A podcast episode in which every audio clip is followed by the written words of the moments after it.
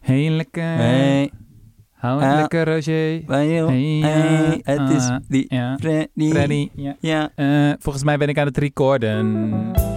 trouwe luisteraars van de Rudy en Freddy show. Zo, dat is ongebruikelijk, hè? Hoor je dat? Nou, Ja. vind ik mooi hoor. Dat ben ik. Ja. Ehm, ja, we zitten hier weer eh, nadat we toch ja, helaas een weekje hebben moeten missen. Eh Rutger, jij was geveld door afschuwelijke buiktyfus. Ja, het was, eh, het was niet prettig. Nee? Dat is wat ik erover wil vertellen. Oké. Maar we moesten even een weekje, eh, een weekje overslaan. Maar inmiddels zit ik hier weer in mijn eh, gebruikelijke blakende verschijning. Fit, in Ja. topvorm. En nou, Had ook het veganisme je dan eindelijk te pakken, jongen? ja, die grap heb ik al wel eerder. Eh, ja. Ja, die grap heb je vaker gehoord. ja, die heb ik al wel oh gehoord. ja, dus dat, ja. dat is niet meer Ja, leuk eigenlijk. Nee, nee, nee. Ik heb juist... eh, ik merk enorme gezondheidseffecten, zeg maar. Die, die, die gloed die je om me heen ziet. Ja, ja. Dat is allemaal... eh, ja dat is veganisme. paleo-dieet en Ja. eh, weet ik het ja, allemaal. inderdaad. Nou, dat is hartstikke mooi. Rutger, waar gaan we het over hebben? Nou, ik zal het je vertellen. Oké, oké. Ehm, een tijdje geleden knapte het bij me. Ja. Toen dacht ik, we moeten het er toch over gaan hebben in de Rudy en Freddy Show. We hebben het al die jaren eigenlijk nauwelijks gedaan. Of nou, een klein beetje. Ehm, maar ik zag een tweetje van Alexander Klupping op Twitter. Eh, die zei, ik zou nu instappen. En toen luisterde ik naar een podcast met eh, Wouter van Noord. De befaamd techjournalist van NRC Handelsblad. Waarin hij eh, een heel genuanceerd verhaal vertelde eh, over de utopische beloftes van crypto en bitcoin. Ken je dat? Ja, bitcoin. Eh, en toen dacht ik, ja, we moeten toch een keer een podcast wijden in de Rudy en Freddy Show aan de bitcoin. Ja, ja, En ja. de disruptieve mogelijkheden, de dromen, de totaal andere wereld die ons te wachten staat. Nou ja. Ehm, volgens eh, Van Noord heeft het een kans van 20% dat het ons huidige geldsysteem gaat vervangen. 20%. Toen dacht ik, 20%, nou, nou, dat is serieus. Dan moeten, we het, dan moeten we het zeker over gaan hebben. Maar nee, er knapt eigenlijk iets bij me. Want ik vind het nog steeds zo, zo ongelooflijk bizar... dat ik ook mensen in mijn omgeving zie... die zich druk maken over onze planeet, over klimaatverandering... die misschien een elektrische auto hebben aangeschaft... die eh, paneeltjes, zonnepaneeltjes op het dak hebben staan... die eh, als ze naar de Bahama's gaan... een vlucht wel even compenseren. Weet je? Die daar allemaal over nadenken... over wat is je ecologische voetafdruk...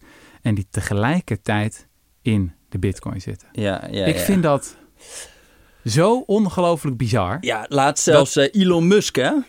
Die had anderhalf miljard aan bitcoin eh, gekocht. Ja, ja, en die is inmiddels wel weer... eh, Ja, die kwam was er ineens achter gekomen van dat is toch niet zo'n goed, goed idee. Maar ja, ik heb eventjes wat, eh, wat cijfertjes erbij gezocht. Want Ja. ik weet dat jij dat prettig vindt. Dat vind ik wel prettig. Nou, we hebben natuurlijk eh, eens in de zoveel tijd zie je van het totale verbruik van energie, stroomverbruik van bitcoin. Eh, dat is eh, inmiddels groter dan dit land of dat land. Eerst hadden we het dan over, weet ik veel, Costa Rica. Inmiddels hebben we het geloof ik over Zwitserland of nee Oostenrijk joh, of zo. we zijn Nederland voorbij. Nou, voilà. Ehm, de totale voetafdruk van Bitcoin is inmiddels groter dan de hele uitstootreductie die we re- realiseren met elektrische auto's.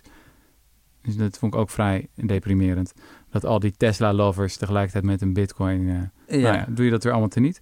Ehm een Bitcoin-transactie, of nou ja, gemiddeld kost het ongeveer 1600 kilowattuur per Bitcoin-transactie. Even voor de scherpslijpers. Ja, ik snap dat in principe je kan zoveel Bitcoin-transacties doen als je wil. Dat kost in principe geen extra stroom. Het zijn de miners, degene die de extra Bitcoins creëren en die het netwerk beveiligen.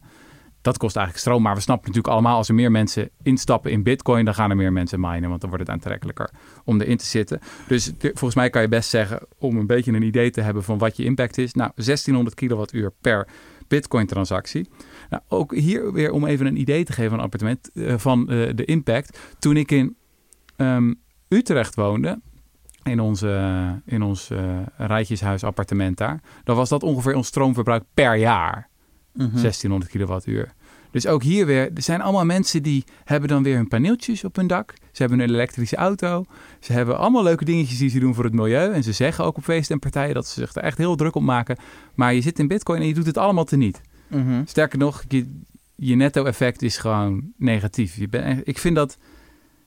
Know, ik vind dat zo bizar. Ja. Nou, dan heb je allerlei, heb je soort van, ehm, ehm, ja, reacties. Dat was ook het punt van uh, de techjournalist Wouter van Noord in die podcast waar ik het over had. Van, ah, het ligt toch heel genuanceerd. Je, we moeten toch kijken naar de andere kant. Bijvoorbeeld wat dan wordt gezegd is, ja, toch ook steeds meer bitcoin miners. Um, die zijn bezig met het verduurzamen van het systeem. Uh, even voor degene die dat niet weten, de bitcoin miners. Ja, hoe leg je dat nou het beste uit? Misschien had ik daar überhaupt moeten, bij moeten beginnen. Gewoon echt voor de mensen die totaal instappen van wat bitcoin überhaupt is. Ja, ja. Nou ja, het is gewoon, uh, het is best wel ingewikkeld natuurlijk. Maar bij, kijk, als, als ik geld aan jou wil overmaken, normaal bij een bank of zo, Mhm. dan doet een bank gewoon de check. Die kijkt van, heeft Jesse dat saldo en eh, kan dat? En eh, die noteert dan gewoon in zijn eigen database, hoppa, geld van eh, Jesse naar Rutger. Ja, Maar bij Bitcoin gaat het allemaal wat lastiger, want we willen geen banken meer. Hè? Dat is ook de hele pitch natuurlijk van Ja, Bitcoin. We gaan van, evil. van de bank af. Ja. En dan roep je eigenlijk om in een soort van enorm chatkanaal van ik wil één Bitcoin van Jesse naar Rutger toe. En vervolgens zijn er dan gebruikers, dat zijn die miners. En die, eh, die verzamelen meerdere van die betaalopdrachten in een soort van blokjes. Mhm.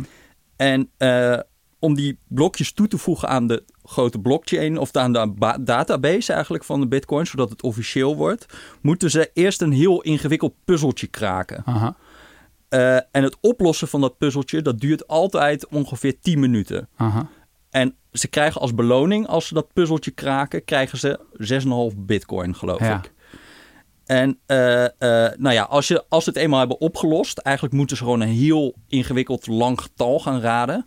Dan Extreem kan, ingewikkelde som moeten ze maken. ja, ja. En, dan, en dan kan iedereen kan ook gelijk zien, oh ja, dit is het antwoord op die som. Ja, Dus dan update iedereen zijn, eh, zijn database en dan kunnen ze het gewoon weer toevoegen en dan zijn die betalingen officieel. ja. Maar het punt is dat elke keer als iedereen eh, eh, betere hardware of al, dus al die miners harder gaan rekenen, Mhm.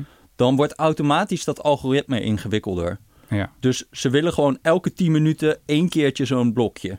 Mhm. Dus elke keer wordt het sommetje ingewikkelder naarmate mensen meer gaan investeren in energie en meer gaan investeren in Ja. hardware. Dus eh, het, eh, eh, zeg maar die economie werkt zo dat we nu, ja, als die prijs van Bitcoin dus enorm toeneemt, dus we zaten op een gegeven moment op 50.000 eh, of zo, Mhm. dan nemen de prikkels heel erg toe om te investeren in nog meer energie en nog meer zware hardware ja. Omdat je dan meer, eh, omdat jou, het oplossen van dat sommetje jou meer oplevert, omdat een bitcoin inmiddels meer waard is. Ja. En dat wordt dus gewoon een soort wedloop, Ja. want je krijgt niet dat er meer transacties kunnen Ja. komen of, de- of dat er meer bitcoin eh, of zo. Het, het is gewoon alleen maar dat dat sommetje steeds moeilijker wordt en dat je dus een soort van wedloop krijgt. Waarbij eigenlijk elke keer als die prijs dus heel erg stijgt, de milieu-impact gigantisch Ja. gaat toenemen. Of Dus tenminste eh, op nog de lange even, termijn. even nog een keertje, want ik denk voor de mensen die het echt niet gevolgd hebben de afgelopen tien jaar, die snappen het nu nog niet. Ehm, je hebt een systeem, een geldsysteem. Normaliter is dat gecentraliseerd. Ja. Dus de bank heeft een database en die weet, Yes heeft zoveel geld, Rutger heeft zoveel geld, et cetera, et cetera. En dat wordt centraal bijgehouden. ja. De bitcoin mensen die vinden dat niet goed. Die vinden dat slecht. Die willen een gedecentraliseerde wereld. Ja. Waarin eigenlijk iedereen elkaar controleert in zekere zin. Of, of het systeem of het netwerk eh, de betrouwbaarheid van het hele systeem garandeert. Ja. Nou, dan is natuurlijk de vraag, hoe ga je dat doen? En het antwoord is, je hebt ehm, een groep van mensen, dat zijn de miners, de, de mijnwerkers, ehm, die controleren eigenlijk steeds als er, een, als er transacties worden gedaan van, klopt dat? Weet je wel? Ja, of je als, twee keer hetzelfde bedrag uitgeeft. Dat Ja. is eigenlijk de grootste ding van dat ik tegen jou zeg van ik ga jou 100 eh, bitcoin geven, maar dat ik dat ook tegen weet ik voor Johannes zeg. Ja, precies, precies. Maar dan is het natuurlijk de vraag van waarom zouden we die miners vertrouwen? En het antwoord is, nou, die miners die hebben er best wel wat werk in gestoken. Dus proof of work, dat is in principe op zichzelf nutteloos werk. Ze moeten gewoon totaal nutteloze sommetjes oplossen. Ja. Maar da- daarmee laten ze eigenlijk zien van, ja, we zitten erin, we, zit, zit- we, doen, het, we doen het serieus. Eh, daardoor hebben we een stem gekregen. En ehm, met die stem kunnen wij zeggen, ja, we vinden deze transacties of dit nieuwe blok dat wordt toegevoegd, vinden we betrouwbaar. Ja. Ehm, de enige manier waarop dit systeem zou kunnen falen is als de criminele miners de overhand krijgen. Dus Ja. als, als gewoon. Ze 51% hebben. Precies, precies. Dan kunnen Maar zij gaan zel- ze- en zelfs dan is het de vraag, ja, wat doet dat met het hele vertrouwen in zo'n bitcoin? En Ja. ben je dan niet al je geld ook kwijt? Ja, dus het is een soort van op de prikkels wordt dat, eh, ja. Ja, dus je zou kunnen zeggen, die, die miners, wat dus feitelijk zijn dat gewoon mensen met grote computers, die sommetjes aan het oplossen zijn. En die steeds zeggen, ja, ik vind dit betrouwbaar, ja, ik vind dit betrouwbaar. Ehm, die krijgen betaald voor hun werk. En hoe Mhm. krijgen ze betaald? Natuurlijk in bitcoin. Ja. En naarmate er meer mensen in bitcoin zitten en er meer vraag is naar bitcoin, wordt het steeds aantrekkelijker om beveiliger te worden van dit systeem. Wordt het steeds aantrekkelijker om dat te gaan doen.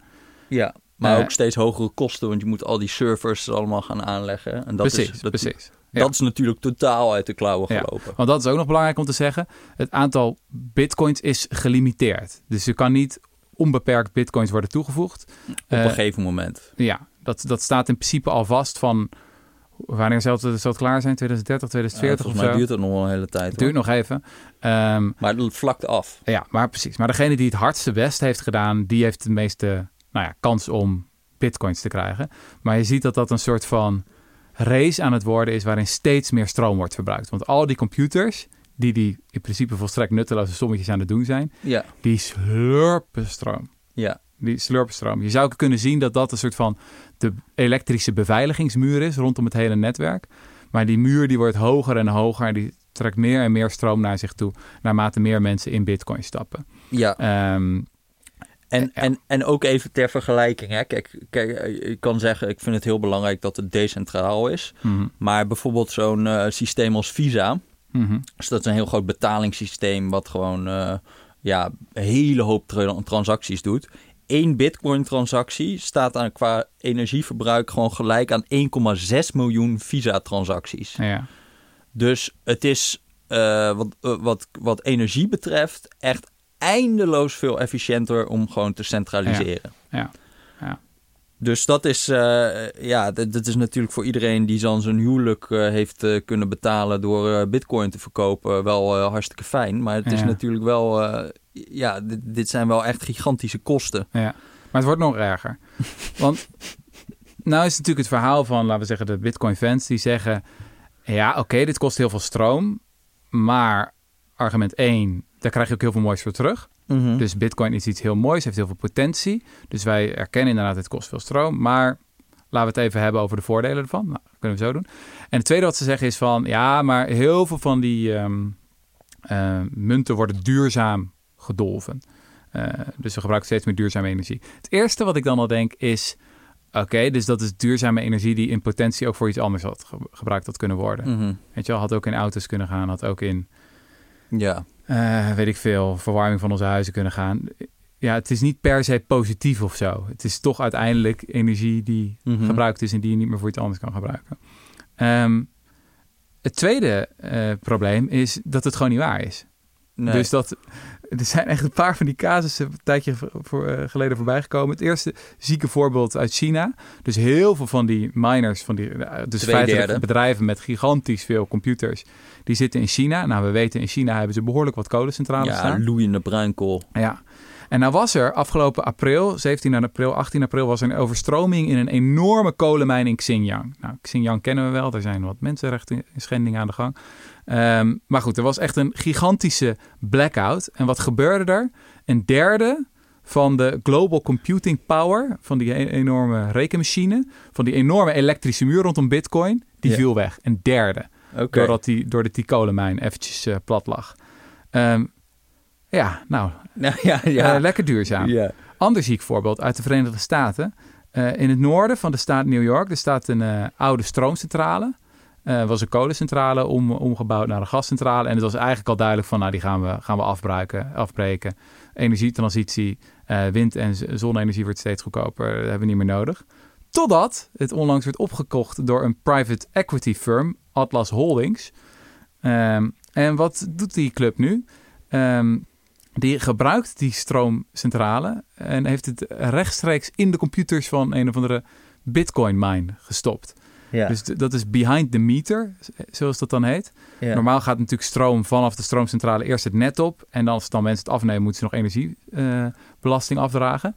Deze lijpo's, die hebben bedacht... hey, we kunnen die belasting mooi ontwijken... als we gewoon zelf een stroomcentrale hebben. Ja, ja, ja. ja dus ja. dat hebben ze gedaan. Ze stoppen rechtstreeks de stroom van deze gascentrale in die, eh, in die computer.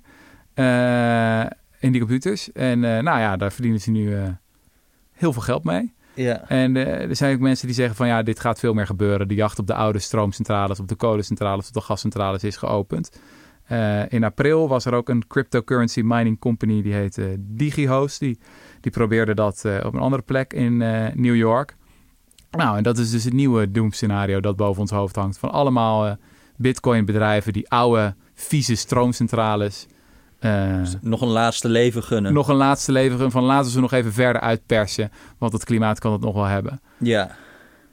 Ja, dat is, eh, dat is natuurlijk wel tamelijk absurd, ja. ja. Ik, ik, als je dit op een rijtje zet, hoe kan je, hoe kan je hier nog een enerzijds anderzijds verhaal van maken? Dat is al mijn eerste nou ja, je kan vraag. natuurlijk Van, dit is zeggen dat zo het gigantische... verwoestend. Dit is zo vernietigend. Zeg maar, de voordelen van bitcoin moeten wel zo immens zijn. Weet je wel, de utopie moet zo schitterend en prachtig zijn.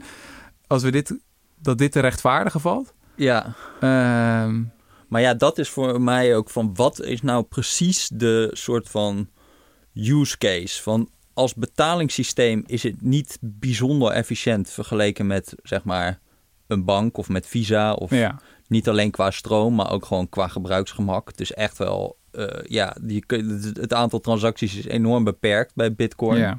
Ongeveer Dus- 20% van de bitcoin zit vast trouwens. Hè? Dus dat, is, Ook dat zijn mensen die een wachtwoord zijn vergeten Ja. eh, en er niet meer inkomen. Kijk, als je bij Visa je wachtwoord kwijt bent, dat is vervelend. En dan moet je een procesje door, maar uiteindelijk krijg je wel iemand aan de lijn en die gaat je helpen. Ja, Bij bitcoin is gedecentraliseerd. Er is, nie, er is geen klantenservice. ja, er is geen hulp. dus als jij je niet wachtwoord kwijt bent, dan staat dat geld voor eeuwig vast. Ja, jongen, dat is de 21ste eeuw. Gebruiksgemak. Ja. Echt geweldig. In de New York Times artikel, Stephen Thomas, a German, uh, German-born programmer living in San Francisco, has two guesses left to figure out a password that is worth, as of this week, about 220 million. 220 miljoen Toen hoor je dollar. ook om je, om je heen toch van... Oh, ik heb in 2010 nog wat bitcoin eh gehaald en ik weet het wachtwoord niet meer. Ja, het is wel vrij moeilijk te betogen dat dat nou zo eh, gebruiksvriendelijk is. Maar Eh, wat, wat het volgens mij vooral is... En dat, dat, dat de use case is natuurlijk dat er niet echt controle op is. Ja, Eh, dus die- de, de- een overheid of een bank of weet ik veel wat, die kan er niks aan doen. En dan vaak wordt er dan gezegd, ja, je hebt landen zoals, eh, weet ik veel, Venezuela of zo. En daar is het allemaal zo bijzonder ongezellig. ja, Dat het wel goed is dat, dat de bevolking een soort veto heeft op wat de overheid wil. ja.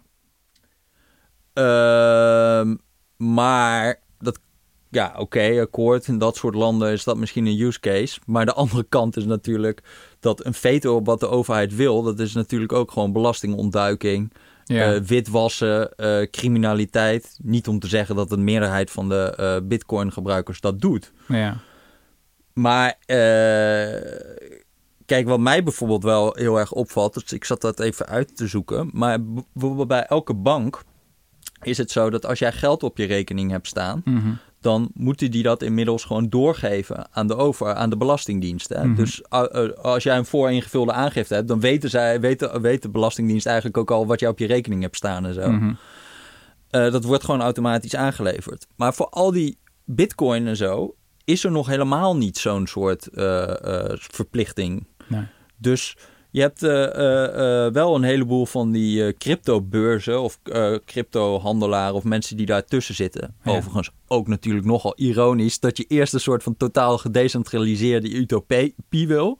En vervolgens bij gewoon een soort van veredelde banken zit. Ja. Die ook gewoon een normale spreadsheet bijhouden verder. Maar goed, oké. Ja, dus de meeste handel via bitcoin gaat gewoon via grote platforms en beurzen die, Ja, die, die dan die gewoon... meeste jouw bitcoins in handen hebben. En dat geldt trouwens ook voor dat minen. Dat is ook extreem gecentraliseerd. ja. Dat is niet dat grootmoeder met haar laptopje op zolder Nee, die bitcoins aan het minen is. Want die slaat geen deuk in een pakje boter. Het zijn gewoon gigantische bedrijven met heel veel kapitaal in China of in IJsland of ja, dat klopt. soort plekken. Maar ik zat dus, ik zat dus zo'n eh, zo'n podcast van BNR daar ook te, ook te luisteren over. Mhm. Zo'n, eh, ja, die hebben dan, iedereen heeft zo'n crypto eh, ding dan. Hè. Het wemelt ook van die crypto podcast en weet ik veel wat. ja, ja. Maar daar was dan zo'n gast van zo'n, van zo'n cryptobeurs. En die zei van... ehm, Nou ja, gaat ook al wel, eh, zou wel een beetje ver gaan als wij dan die informatie over onze klanten gewoon moeten aanleveren aan de Belastingdienst automatisch.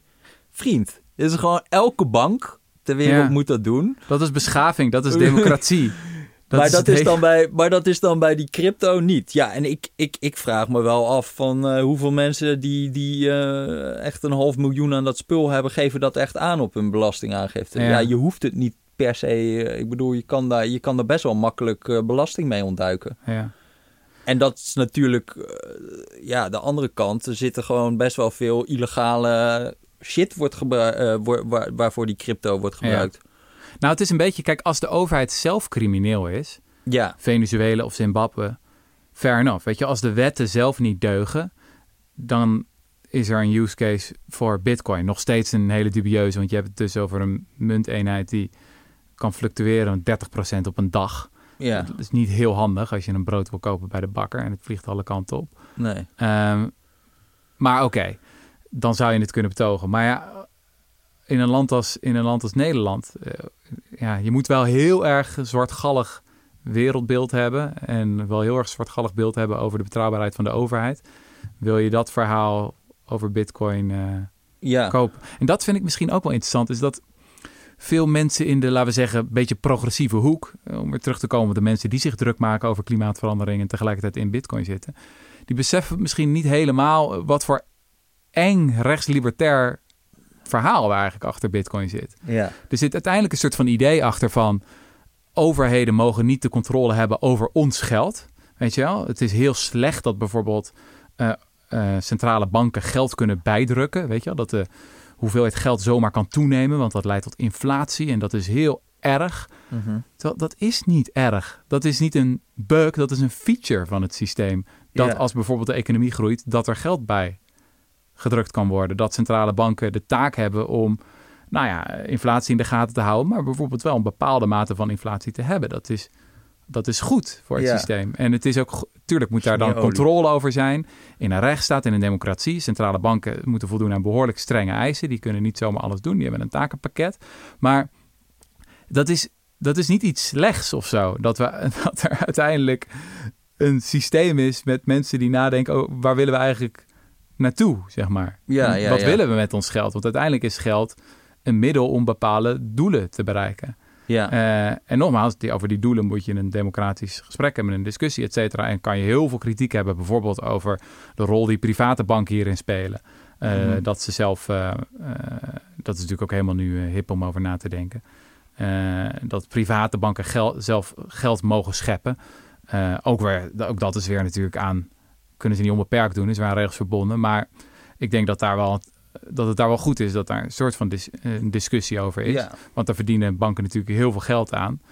Maar op zichzelf het feit dat er, ehm, ja, dat de geldhoeveelheid, eh, dat er geld bijgedrukt kan worden, dat is niet iets slechts. Nee. Dat is in sommige situaties juist heel goed dat we die hendel hebben om aan te trekken. Ja, want anders zou je alleen maar gierende deflatie krijgen. Ja, ja, ja. En, dat zou, en dat is voor mensen met schulden is dat eh, ab- absoluut afschuwelijk. Ja, want dan ja, kan je ja. nooit betalen. En dat wordt ook vaak, want in deze wereld van de rechtslibertaire mensen is inflatie is het allerergste ter wereld. Hè? Inflatie is het grote monster dat bestreden moet worden.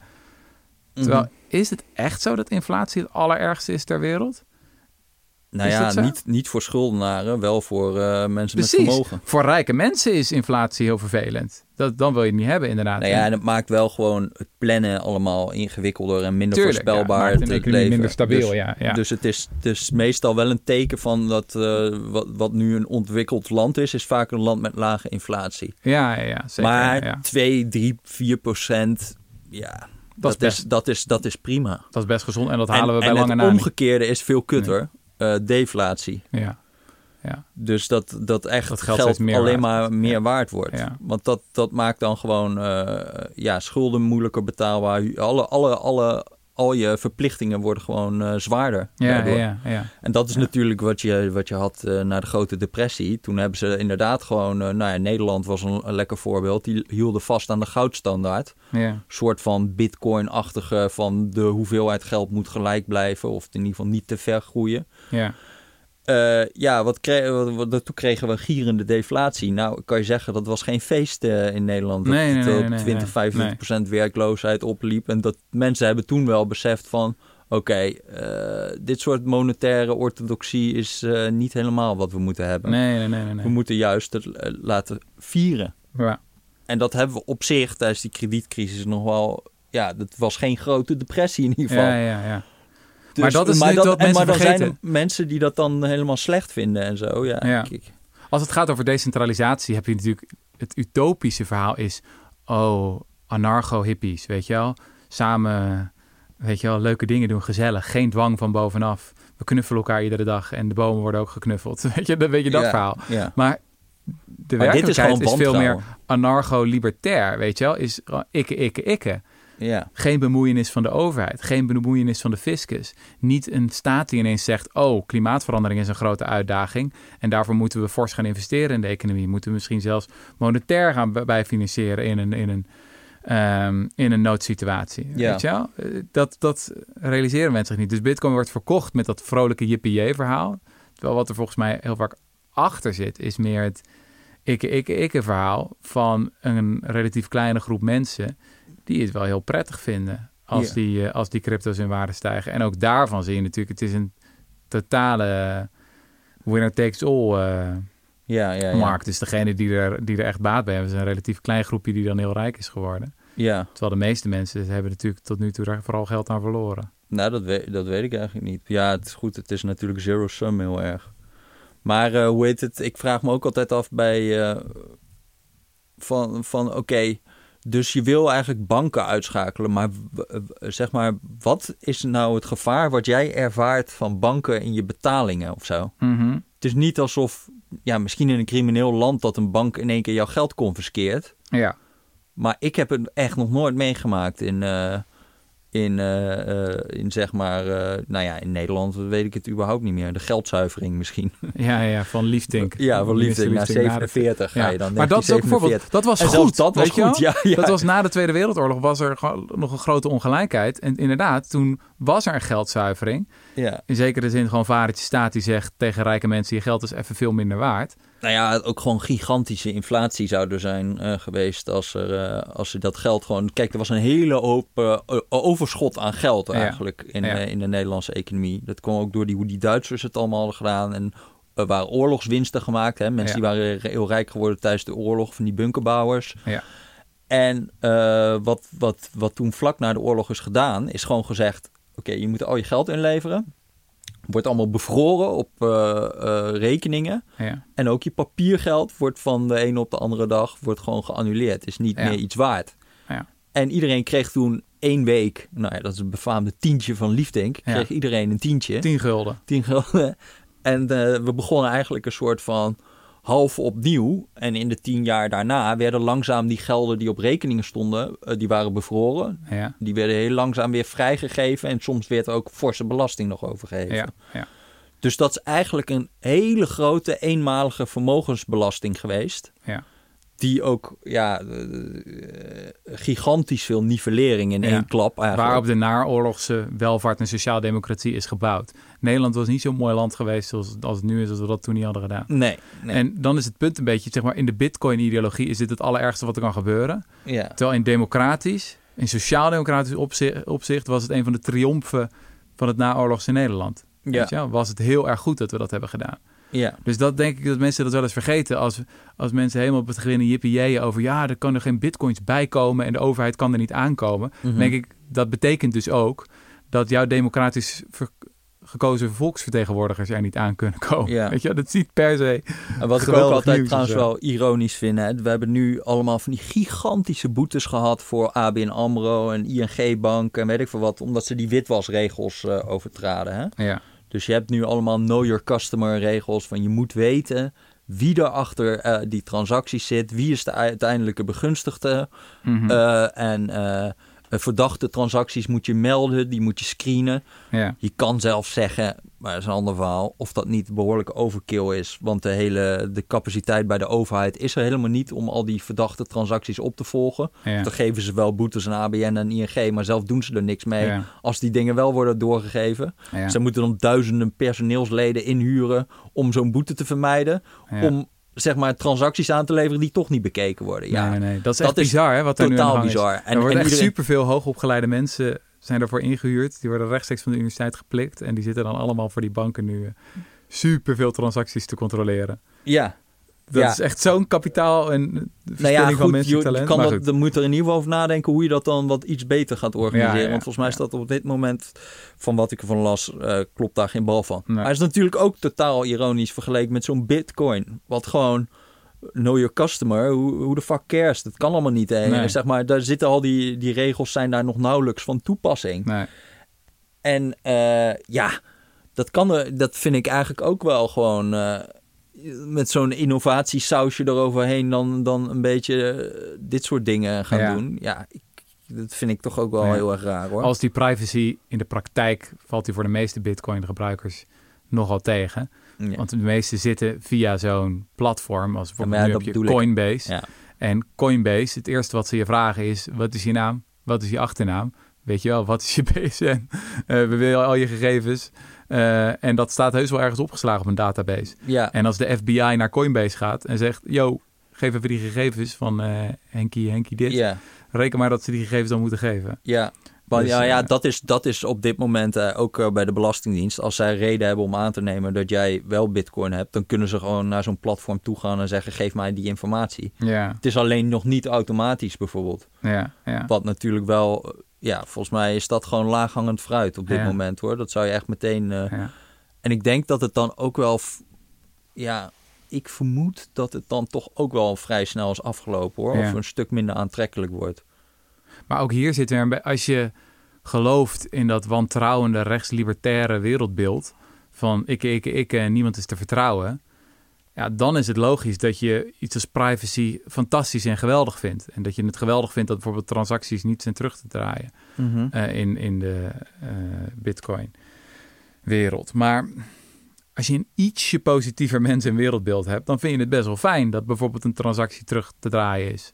Als je bijvoorbeeld met een fraudeur eh, van, van doen had en dat de bank je er dan bij kan helpen. Weet je, dat ze in ieder geval enige capaciteit ervoor hebben. Ja, En dan vind je het ook wel fijn dat privacy ook zijn beperkingen kent. Weet je wel, geen privacy inderdaad voor belastingontduikers.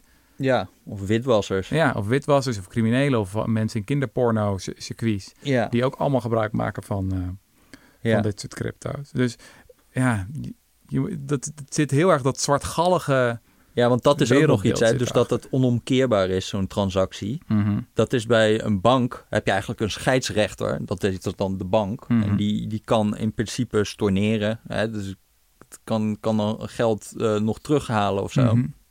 En dan wordt dat gezien als een feature van Bitcoin dat dat daarin niet kan. Dus dat, Ja. je, dat er niet een centrale autoriteit in één keer het kan terugdraaien. Ja, Maar goed, ik kan best wel wat situaties verzinnen waarin dat hartstikke fijn is natuurlijk. Ja. Eh, hè, wat je net al zegt, oplichting en weet ik veel wat. Ja. Het is niet zo heel erg gek dat je dus dat er bij dat, dat nou ja, niet Bitcoin, maar crypto in het algemeen. eh, zeg maar de plek is waar heel veel eh, eh, eh, eh, oplichting of Mhm. je hebt nu een, waar, een soort van epidemie van ransomware. Mhm. Hè, dus dat ze dan eh, een, eh, eigenlijk een soort computer gijzelen of zeg eh, onlangs nog zo'n oliepijplijn in, in Amerika die Ja. gewoon, ik weet niet, een week was stilgelegd. Ja. Omdat hackers eh, die oliepijplijn hadden gehackt. En die zeiden, je moet ons x, x eh, duizend bitcoin geven. ja. En eh, ja, dat maakt die crypto maakt dat vrij makkelijk, omdat het super anoniem is. En als je het goed doet, is het ook best wel moeilijk om jou terug te vinden. Ehm, eh, en je hoeft, vooral als je het niet doet via zo'n Coinbase of via zo'n intermediair, je kan het ook gewoon zelf runnen allemaal. Mhm. Ja, en dat, dat maakt dan zo'n munt eh, wel heel erg makkelijk. Mhm. Terwijl ja, via centrale eh, financiële instellingen wordt dat wel een stukje lastiger. Nu even de vraag. Laten we proberen het van de andere kant te bekijken. Dus eh, veel van de mensen die enthousiast zijn over Bitcoin, die zullen zeggen van ja, dit zijn stroommannen of zo. Of ik kan wel honderd eh, tegenargumenten bedenken of dit of dat. Die Rudy en Freddy zitten ernaast. Misschien moeten we kijken of we het kunnen, wat ze in het Engels zeggen, steelmannen. Dus een soort van de beste versie, de beste verdediging die wij kunnen bedenken van Bitcoin. Wat zouden dan de, de argumenten pro zijn? Ik zou zeggen, als, als zeg maar het hele uh, onduurzame aspect zou wegvallen. En Ja. dat, dat is het geval voor sommige crypto's natuurlijk. Niet alle cryptomunten Ja, zijn zijn, zo verwoestend als Bitcoin. En Eh, Ethereum, dat gaat over op een duurzamere... Dat is de één na populairste Ja. crypto na Bitcoin. Die gaat over op een duurzamere variant, als ik het wel heb. In, Ja, over een ja, tijdje. Ehm, stel dat dat gerealiseerd is... ehm, dan, zou ik nog, dan zou ik zoiets hebben van... eh, baat het niet, dan schaadt het niet. Of, of probeer maar. Misschien zit je ernaast. Laat het maar speeltuin van innovatie zijn. Misschien komt er iets... Misschien komt er uiteindelijk iets nuttigs uit. Waar misschien ook banken uiteindelijk, uiteindelijk wat mee kunnen. Mhm. Dan is het prima. Dan is het een beetje... Ja, eh, de gekkies die, die rommelen in een wereld. Maar die richten niet ondertussen zoveel schade aan. Weet je wel. Mhm. En, eh, ehm, Maar ja, jij, wat jij zei van wat, wat zou nou gewoon wel een argument voor zijn. Mhm. Als ik die gasten van Ethereum en zo lees, Mhm. Die zijn iets minder dogmatisch en die zien ook wel gewoon dat dat een probleem is, die energie, elektriciteitsconsumptie. En Ja. die gaan dan iets nieuws proberen. En dat lijken mij in principe gewoon, ja, redelijke mensen. Ja. En eh, je zou dan ook, ja, ik geloof nog steeds, ik snap gewoon niet zo goed wat het nou precies moet toevoegen, behalve een soort van veto op echt criminele overheden. Ja. Maar dat vind ik een vrij, nou ja, voor ons ontwikkelde landen een vrij beperkte use case en ook best wel een beetje kwalijk. Mhm. Maar eh, aan de andere kant, ik denk dat al die lui die dan nu bezig zijn met crypto, het is ook een beetje zoiets als we gaan een man op de maan zetten. Ja, waarom in godsnaam? Eh, maar eh, misschien komt er iets moois van en dan hebben we uiteindelijk een anti-aanbaklaag of zo. Ja. Ik weet niet wat, wat voor dingen er met die cryptografie nu allemaal voor. Maar ik kan me voorstellen dat als zoveel mensen met iets bezig gaan zijn, Dat er komt er wel... altijd een soort van dingen Ja. van die je niet verwacht. Of Ja. die. eh, eh, ja, en dat merk je nu al wel een beetje in van die. Als ik die sommige van die stukken lees van die gast van eh, Ethereum en zo.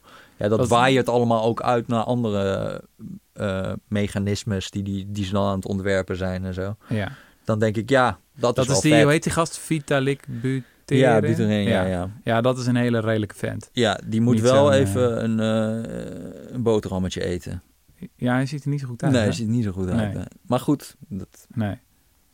Nee, dus wij van de Rudy en Freddy Show zeggen van als Ethereum uiteindelijk duurzaam is, dus overgestapt is op niet dat proof of work ja. eh, model waar we het eerder over hadden, van die miners die dan superveel stroom moeten gebruiken eh, om de veiligheid van het systeem eh, ja. te garanderen, dan eh, mag je er wel instappen.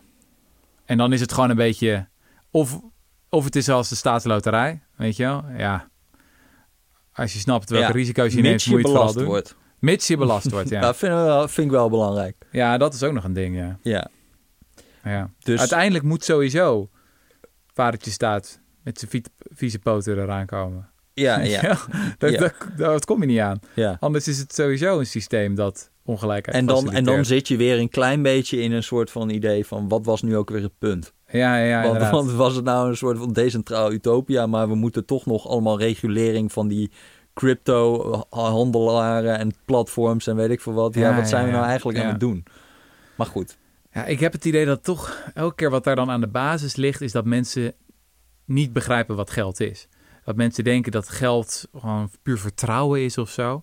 En dat het dan dus bijvoorbeeld verkeerd is als de overheid zich ermee gaat bemoeien en geld gaat bijdrukken. Terwijl, zoals ik het zie, geld is een middel om, om bepaalde doelen te realiseren. Ehm, en de belangrijkste reden waarom de, bijvoorbeeld de euro of zijn dollar de waarde heeft die die heeft, is dat we belasting moeten betalen. In euro's in of euro's dollars. of in dollars. Ja, Dus klopt. weet je, ik kan morgen zeggen, ik ga mijn eigen munteenheid beginnen. Weet je, dat zet ik ook op de blockchain, de Rutties. Eh, de enige manier waarop dat waarde gaat krijgen, is als mensen erin gaan geloven, weet je wel. En dat geloven is tijdelijk, dat is Mhm. precair, dat is eh, niet gegarandeerd. Kan over eh, een paar jaar stort het weer in. Terwijl één ding is zeker, over tien jaar moet je nog steeds belasting betalen. Over Ja. 30 jaar moet je nog steeds belasting betalen. dus je zal altijd vraag blijven naar dollars en euro's. En dat maakt die munten uiteindelijk het meest stabiel. Ja, En dat is ook goed. Dat is mooi. Want ja. uiteindelijk in een gezonde democratie bepalen we samen hoeveel belasting ervoor moet betaald, eh, betaald moet worden, waar we dat geld aan uit gaan geven, weet je wel. Ja. En is het geldsysteem een van onze middelen die we hebben, waar we samen over na kunnen denken, wat doen we ermee om Ja. de doelen te bereiken die we willen bereiken. Ja, ja, ja. Is een heel goed eh, verhaaltje van die Warren Mosler. Dat is een van die eh, MMT-gasten van Modern Monetary Theory. Nou, Ja, ja. lang verhaal. Kunnen maar die heeft een soort van eh, voorbeeldje van hoe je een munteenheid kan beginnen. Die zegt dan, eh, stel ik heb een feestje gehouden. En daarna zeg ik van, jongens, we moeten echt even opruimen. Ik wil dat iedereen gaat opruimen. En als je hebt, als je hebt opgeruimd, dan eh, krijg je, eh, ja, eh, wie, wie, wie, wie wil dit gaan doen voor mij? En ik geef Ja. jullie een visitekaartje van mij. En dan, dan, dan mogen jullie, als jullie hebben opgeruimd. Nou, niemand heeft daar zin in. Dan, Ja, dan zet hij een man met een AK-47 bij de deur. ja, Dan zegt hij, je kan er alleen uit als je deze gast een van mijn visitekaartjes geeft. ja, En je mag een uur voor mij werken en dan krijg je een visitekaartje. ja, Nou, en dan is zo'n visitekaartje één uur werk waard.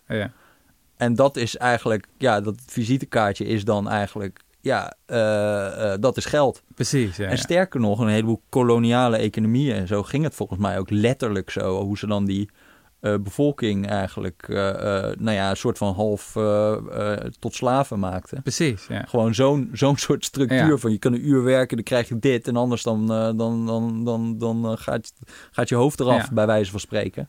Dus, dus de oorsprong van de waarde van geld is uiteindelijk die man met die AK-47. Dat is Ja. niet het geloof van mensen in het visitekaartje. Nee, dat is die vent die bij de deur staat. En Ja. natuurlijk, in een dictator- dictatoriaal regime ziet dat er heel lelijk uit. Of in Zimbabwe, weet je wel, waar de dictator allemaal geld bijdrukt en doet... eh, Ja, dat is wil. natuurlijk waar het wel gewoon op een gegeven moment kan instorten. Precies, hè? dat Want, stinkt. want, want, dat, want dat valt ook nooit helemaal te handhaven, die man met die AK-47. Het is ook een beetje een spreekwoordelijk figuur. Ja. Dus als mensen het eh, geloof verliezen in de capaciteit van de staat om dit te handhaven, ja, dan gaat het helemaal, dan zakt de hele boel in elkaar. precies, ja, ja. Maar het Maar- is wel heel erg met de staat verbonden en niet Ja. met onderling vertrouwen in weet ik veel wat. Of zo. ja. En in een gezonde democratie ja. is dit ook goed. ja. Is het ook goed dat er uiteindelijk eh, ja, een overheid is die eh, de waarde van ons ja, geld in de gaten houdt. Ik zit te denken. Zij- Nou, nu, nu nog even de, de, de Oh. vervolgstap. Want hoe gaat dit verder? Ehm, een tijdje geleden stond een betoog in het FD van de baas van het Centraal Planbureau. Nou. Dat zegt al veel wat hij dan gaat betogen, een Centraal Planbureau. Ja. Ehm, Pieter Hazekamp die zei van we moeten bitcoin gewoon in de band doen in Nederland. En dan is een beetje de vraag natuurlijk, kan dat? Kan je in een decentraal algoritme, heeft dat zin? Omdat, Nou, te volgens mij wordt dat technisch tamelijk ingewikkeld, maar je kan het natuurlijk wel, eh, nou ja, gewoon meer, meer, vooral die, al die platforms gewoon eh, eh, zeggen van ja, jullie zijn praktisch financiële instellingen, we gaan jullie ook reguleren als financiële instellingen. ja, Nou ja, daar zijn de eerste tekenen wel naar. Ik geloof dat Europa ook bezig is met, nou, betrekkelijk voorzichtige regulering van die Ja. crypto eh, shit en zo. Maar dat mag maar van mij wel wat forser. ja. En dan is de vraag van wat dan gewoon nog- informatie aanleveren. Ik bedoel, dat is allemaal zo'n no-brainer. En volgens mij ook, ik zag ook Joe Biden, eh, onze vriend eh, Joe, die, eh, die was ook al aan het zeggen van we moeten gewoon zorgen dat we dit wat meer gaan coördineren. Om Ja. dat, daar ook zicht op te krijgen. Ja, en die heeft dan over, ook over belasting en zo. Ja, en je hebt nu in China echt een crackdown Ja, op die mijnen. bitcoin. Dus dat is wel interessant. Het, het voorbeeld wat ik gebruikte van die mijn die uitviel Mhm. door de overstroming, dat was in april. Maar wat is het? Het zijn echt nog maar nog van daarna dat ze echt hebben aangekondigd van we willen heel veel van die miners eigenlijk het land uit. Eh, dus dat kan natuurlijk ook nog een, eh, een grote impact hebben als zo'n enorm machtig en groot land als China zegt eh, we willen dat eigenlijk niet. Ja, Wat ook wel weer ironisch is. Want ja, als gewoon de grote spelers, laten we zeggen VS, EU, China zeggen we willen het niet, bitcoin. En ze verbieden al hun instellingen er iets mee van doen te hebben, weet je wel. Pensioenfondsen mogen er niet in investeren, banken mogen er niks mee te maken hebben. Dan denk ik dat het vrij snel eh, klaar is. Of in Ja. ieder geval dat het Nou dan een heel marginaal dingetje kleiner, wordt ja. in de... Dat, eh, dat niet echt veel, eh, veel impact zal hebben. nee. Dus in die zin, oké, Nederland kan het niet verbieden. Maar ik denk wel dat westerse overheden, als die daar een conferentietje over hebben, weet je bij de G7 en nog even bellen met eh. China, dan kan het op zich heel snel voorbij zijn, toch? Ja, ja, ja, ja. Ja. ja. ja, en ik denk ook op zich dat daar wel langzaamaan wat animo voor begint eh, te ontstaan. Ja. Maar goed, het zou toch ook weer zonde zijn als het dan helemaal eh, wordt gekeeld. Even Oh. kijken, hebben we nog wat te bespreken, eh, Jessie? Nou, volgens mij niet. Wat ga jij volgende week eigenlijk doen? Want ik ben dan op vakantie. Oh ja, god. Je had het ja. plan om een of andere mega ontoegankelijke podcast te gaan maken. Ja, ga ik dat Echt doen? helemaal Ja, dan moet ik wel even gaan. iemand zoeken die echt mega ontoegankelijk is. Nou, ben jij mega ontoegankelijk? Ja. En wil je, En wil je een echt een super worden? wonky podcast maken met Jesse? Ja, wat zou ze doen? Over een Rudy en Freddy gerelateerd onderwerp. Maar dat echt eh, helemaal niet toegankelijk is voor de massa. Ja, ja, ja. Een gesprek wat ik wil voeren, niet wat jullie willen luisteren. Ja, precies. Dat ga ik doen. Meld je aan bij uh. Ja, Even kijken, de week daarop eh, ben ik dan alweer terug. ik hoop het of niet. Ja, nou, we hebben in ieder geval nog in de pijplijn voor jullie een podcast met Marjan Minnesma Leuk. van Urgenda. Dat wordt volgens mij heel En fijn. misschien die Bernard ter Haar, hè? Die Ja, die moeten dan ook, wel eigenlijk toch ook eens een keer uitleggen. Ah, die topambtenaar. Ja, Oké, dan ben dat was een Toeledokies.